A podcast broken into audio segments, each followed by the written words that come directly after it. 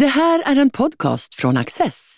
Du hittar fler av våra program på axess.se och på Youtube. Mycket nöje! We live in what appears to be an increasingly dangerous world.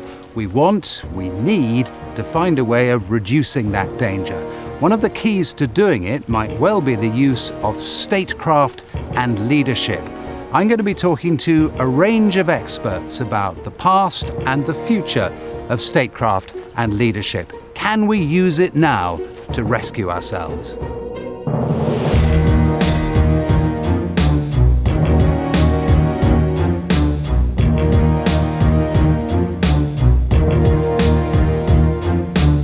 Fredrik Logevall is the Laurence D. Belfer Professor of International Affairs at Harvard University.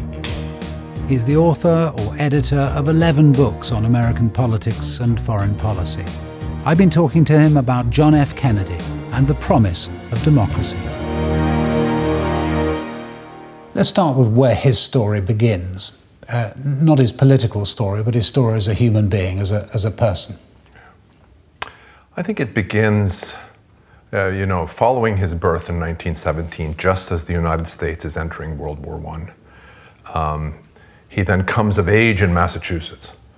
Uh, and his family is not initially wealthy, but his father amasses great wealth during the course of the 1920s, partly, by the way, in Hollywood, which is important to the later Kennedy story. Amasses uh, a huge amount, a, a vast fortune, uh, and becomes one of America's wealthiest men. And I think understanding Jack Kennedy's story requires get, um, grappling with this idea that he's both an insider and an outsider because he is phenomenally wealthy as a young man, and yet being Irish Catholic in Boston and at Harvard, he comes to see, as do his, as do his siblings uh, and his parents, the degree to which there's always a certain separation between them and those patrician New Englanders uh, who they want to be like on some level, but also resent at the same time. Yeah, is, is, it a separation that, that he is comfortable with as a young man or not? I think he is comfortable with that separation. It's a really interesting question you ask. More so, I think, than his father, who resented, who was angry about the fact that he could never penetrate to that certain I guess, upper level of society that he wanted to be a part of. I think Jack and his siblings found it easier, in part because some of those uh, prejudices were becoming less pronounced. It was easier, I think, for them to make their way in American society than it had been for their parents. So that's maybe part of it. Some part of Jack Kennedy, I think, also um, welcomed the idea that he could be he could be a kind of observer, if I can put it that way, of American society. He could be part of it and yet also outside it. It suited his personality on some level.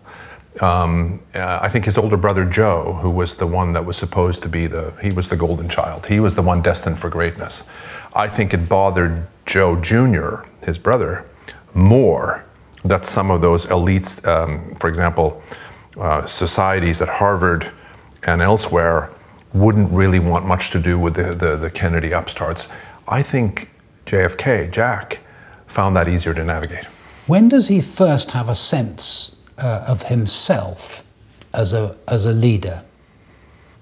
I think he has, he, he first senses hey, I could be a part of this thing. I could contribute to this great American story in World War II. I think it's because of his own leadership in the South Pacific, uh, maybe especially after his uh, torpedo boat, famous PT 109, gets rammed, um, and he has to try to save his crew.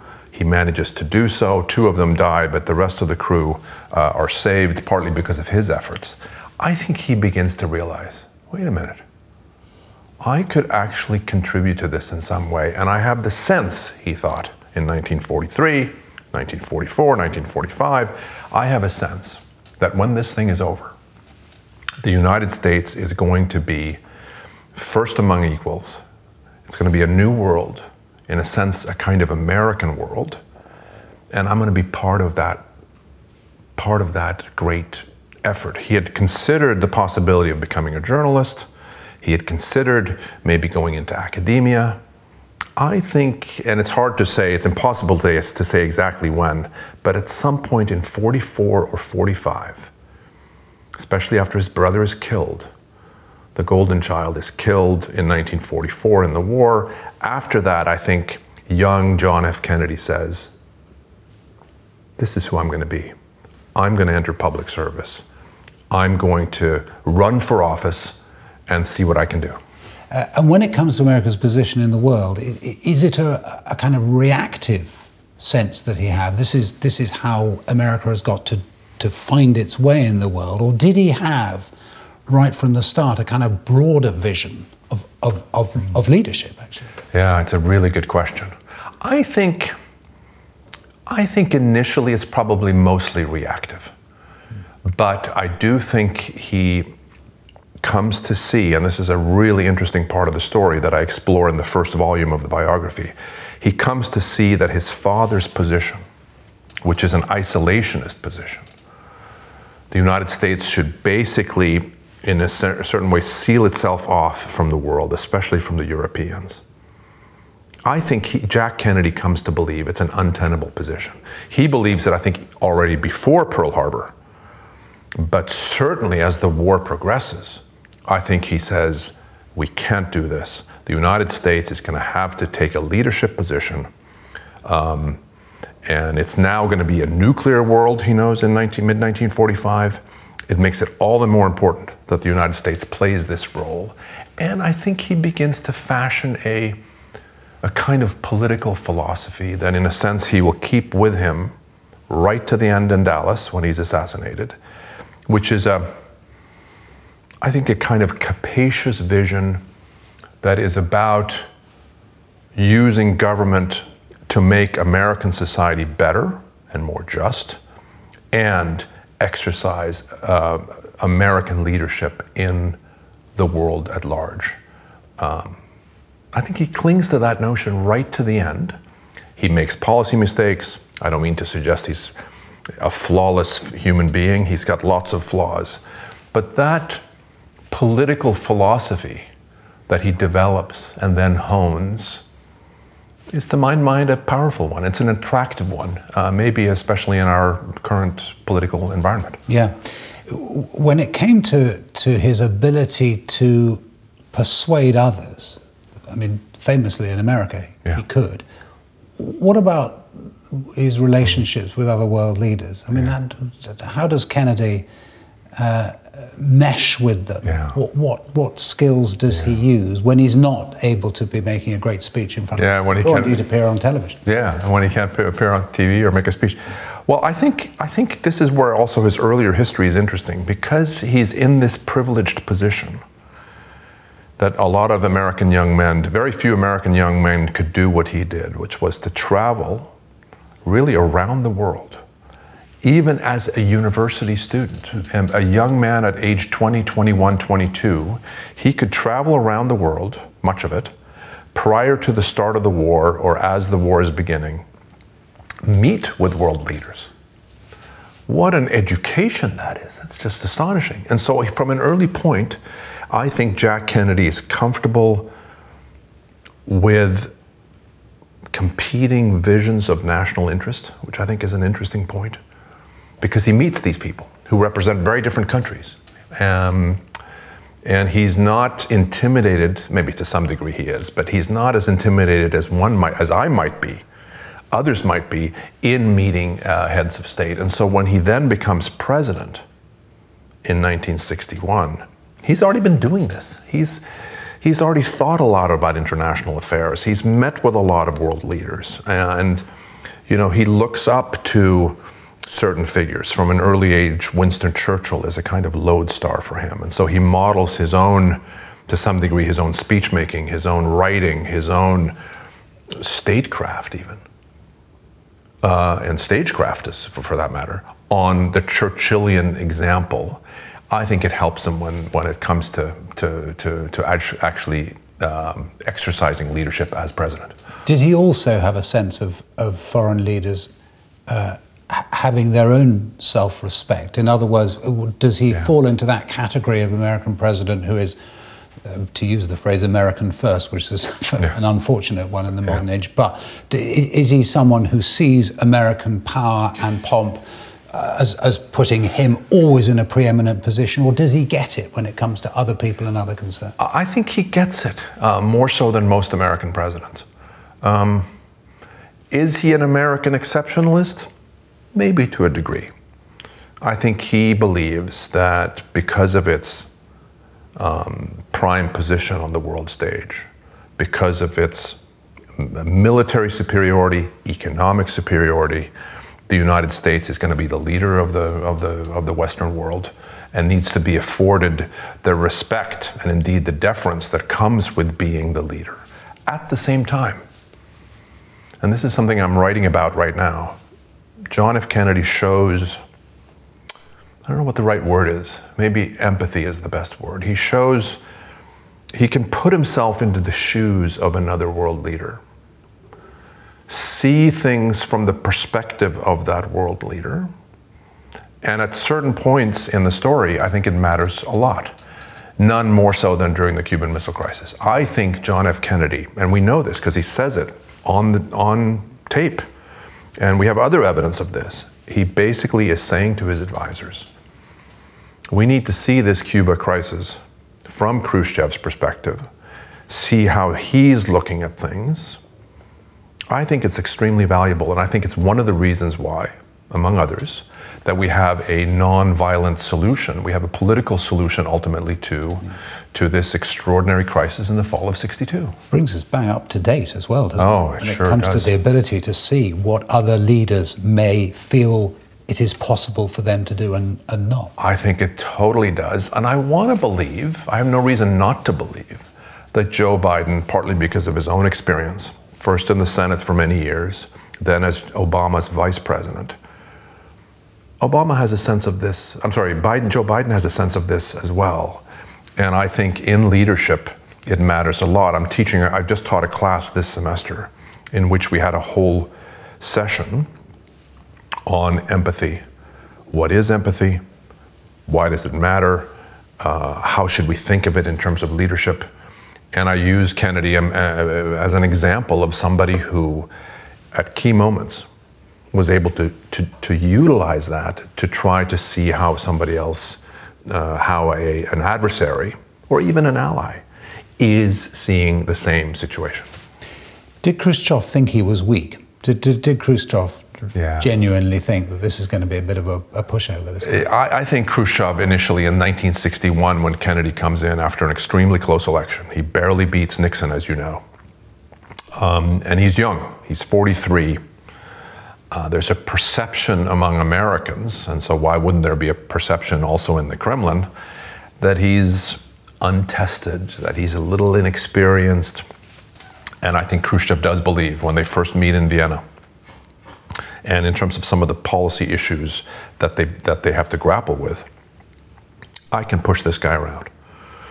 Um, he barely was elected, so he's weak in that respect he's young, he's wet behind the ears, as we say, um, and I can have my way with this guy. And to some extent, that's maybe borne out uh, at Vienna in the sense that Kennedy allows himself to a degree to be bullied. I think Kennedy actually performs better at Vienna than some people say, some historians say. But nevertheless, it's Khrushchev who dictates what happens in those tense meetings. And I think that shapes the superpower relationship for the remainder of 61 and into 62 It's a very tense time, as you know. Um, and it's only with time, and maybe especially after the missile crisis, and in that final year of Kennedy's life, that Khrushchev begins to say, aha, maybe I've underestimated this guy. This is somebody with whom I can work. And almost exactly 60 years ago, Kennedy gave one of his great speeches at American University in Washington, in which he called for a new Cold War, a new approach to Soviet American relations. Khrushchev was impressed by that speech. He even had it printed in Soviet, uh, the Soviet media because he wanted Russians, Soviet citizens, to understand that, oh, this American president wants a better relationship between our two countries. We should work with him on this. So over time, Khrushchev changes his view. Mm. It's fascinating how much, and we're talking a lot about leadership, how yeah. much uh, the relationship between leaders can be affected, at least at first, by something as, as fleeting as, as, as their relative ages, or oh, whether yeah. one of them is a thug in the, in the Khrushchev sense and one of them seems a bit cerebral. All those things matter, don't they? And they mattered then. They certainly do. And I think, I, I, don't know that this is the case, but I suspect that if, if JFK could have gone back, started over at Vienna, taken a different approach, um, not necessarily to be more combative, but to indicate to Khrushchev in those key early hours or maybe even minutes in that early phase of their first meeting indicate okay, this is who I am. I represent the United States. This is what's important to us. And I'm willing to work with you, talk with you. But this is, this is what I'm for. Had he been a little bit stronger there, I think it would have affected the rest of that meeting. And I think perhaps the remainder of uh, certainly that first year when the two of them have to deal with each other. I think you're absolutely right. It can matter enormously the dynamic between two leaders uh, at these at these moments. Uh, domestically, I mean, we know what he did and what he didn't do, yeah. what he achieved and what he didn't achieve. What did he want to do? How, how progressive was he in, in mm. genuine mindset? Mm. I think he was very much a centrist Democrat, maybe both in foreign policy and domestic policy, actually. Uh, I think he was suspicious of the extremes. He wrote a little bit about this in his book Profiles in Courage, 1956. The courage that John F. Kennedy most admired were the moderates who resisted the extremes. Um, and so I think he was troubled by the extremes on the left, uh, by the emerging, even emerging then, uh, right wing extremism that he saw on his right. And I think he wanted to govern accordingly. And so in domestic policy, I think it means that he was uh, very much a committed Democrat. I don't buy the argument that some have put forth that John F. Kennedy was actually a conservative. I think he's a kind of mainstream Democrat um, who wants government to play an important role in improving the lives of those who are less fortunate. Uh, he believes to a large extent, I think, in an activist government. Today, we would, I think, call him a progressive in the context of the early 1960s, I think it put him kind of in the middle of his party. Um, and on fiscal policy, he tended to be more conservative. Uh, on civil rights, he was very slow, I think it's fair to say, because he believed that he neither needed first to win the election. Well, first to win, the, to win the nomination, then to win the election, then to govern in those critical early months. He needed the support of Southerners in Congress because they tended to control most of the key committees, and they were segregationists, most, most of them. So I thought, I think he believed that I need to move carefully on civil rights because I can't afford to lose the South. My party can't afford to lose the South. If I want to win re election in 64, I've got to tread very carefully. And so on civil rights, it takes him quite a long time to move to a position where he says, and he ultimately does, this is a moral issue. And for the United States to be the place that it wants to be and needs to be, we need to afford full and equal rights to all of our citizens. It's really only in 63 that he comes around to that position. Would he have wanted to come round to it earlier? Because you've gone through the, the yeah. political calculations. Did, if you well, could set them aside, yeah, I understand you can't, but if he could have done, would, do, do, we have a sense of what was in his Yeah, it's, it's, it's exactly the right question. Um, I fear that maybe he did not. Or let me put it this way I don't think he was personally prejudiced to any significant degree. Arguably, we all have some in ourselves. But I wouldn't say that he was personally prejudiced.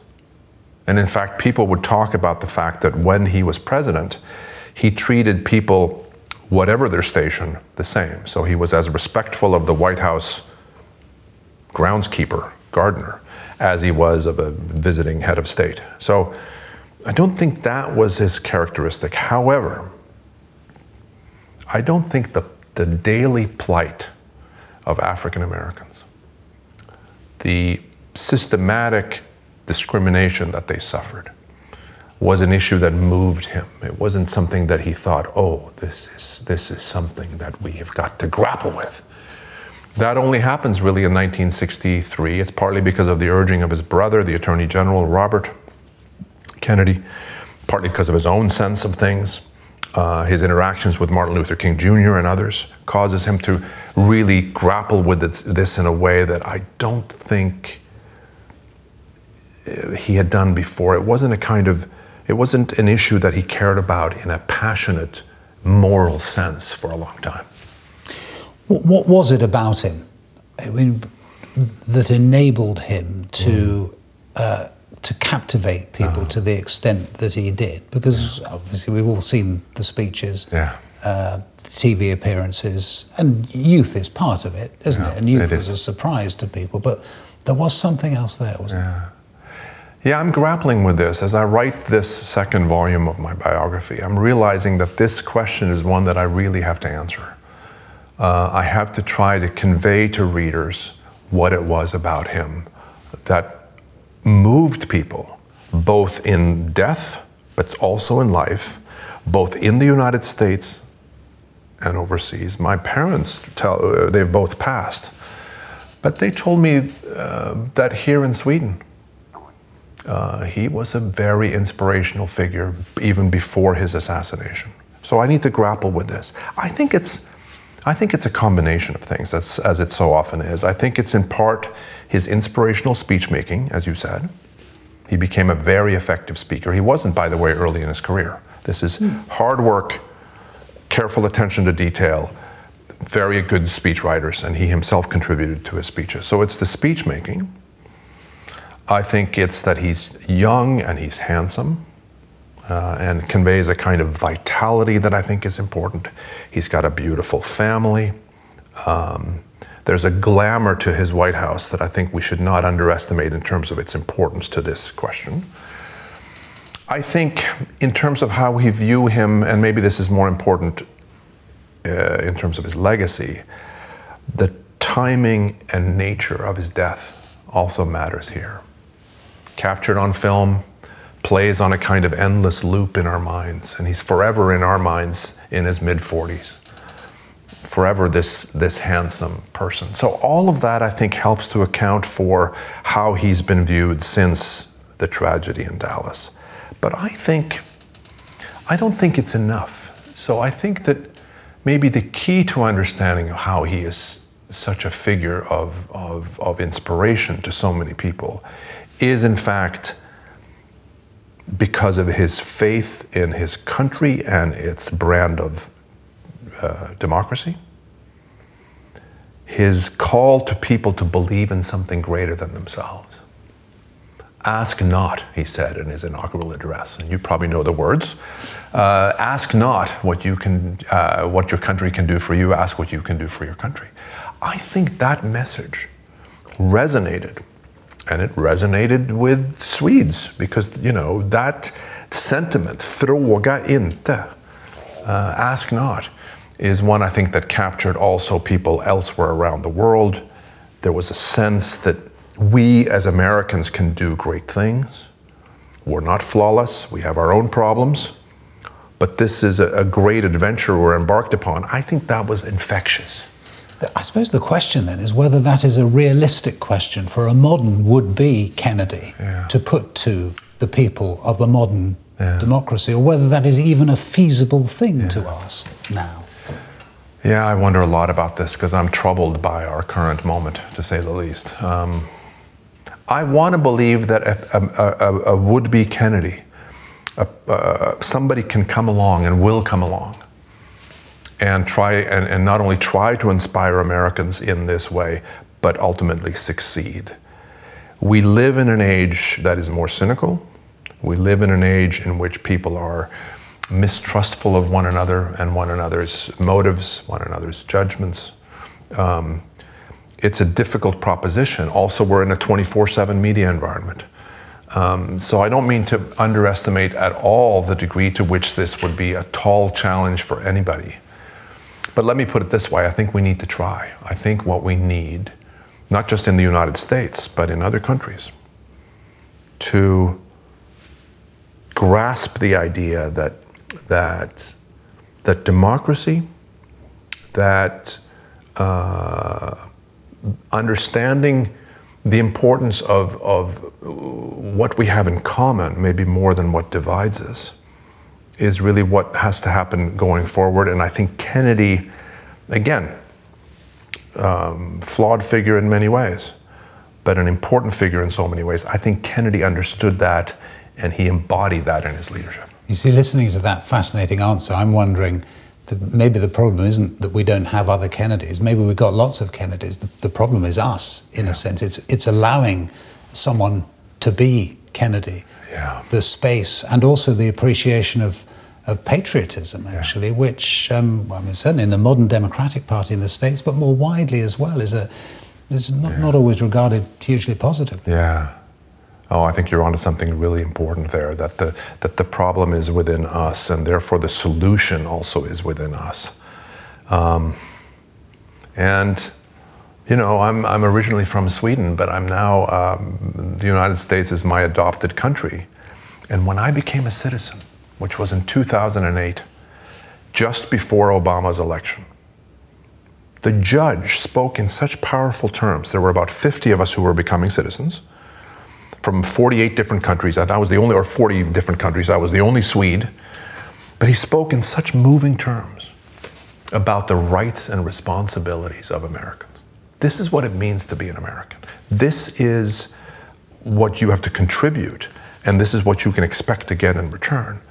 You know, chills went down my spine because I thought, wow, I'm Swedish, I'll always be Swedish, but there is something about this place called the United States of America that is incredibly powerful. Would that judge give the same speech today?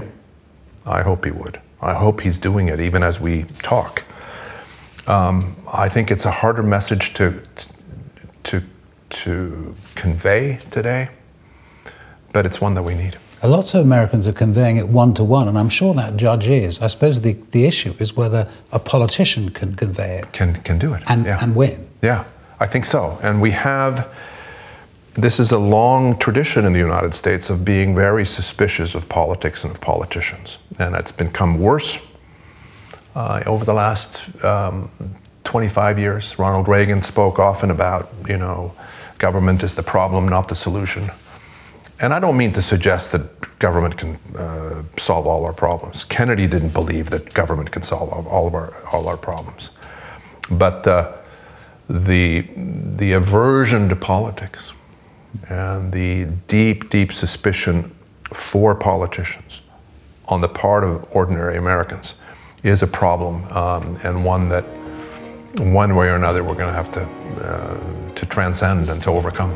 Fredrik Logevall, thank you very much. It's my pleasure. Thank you.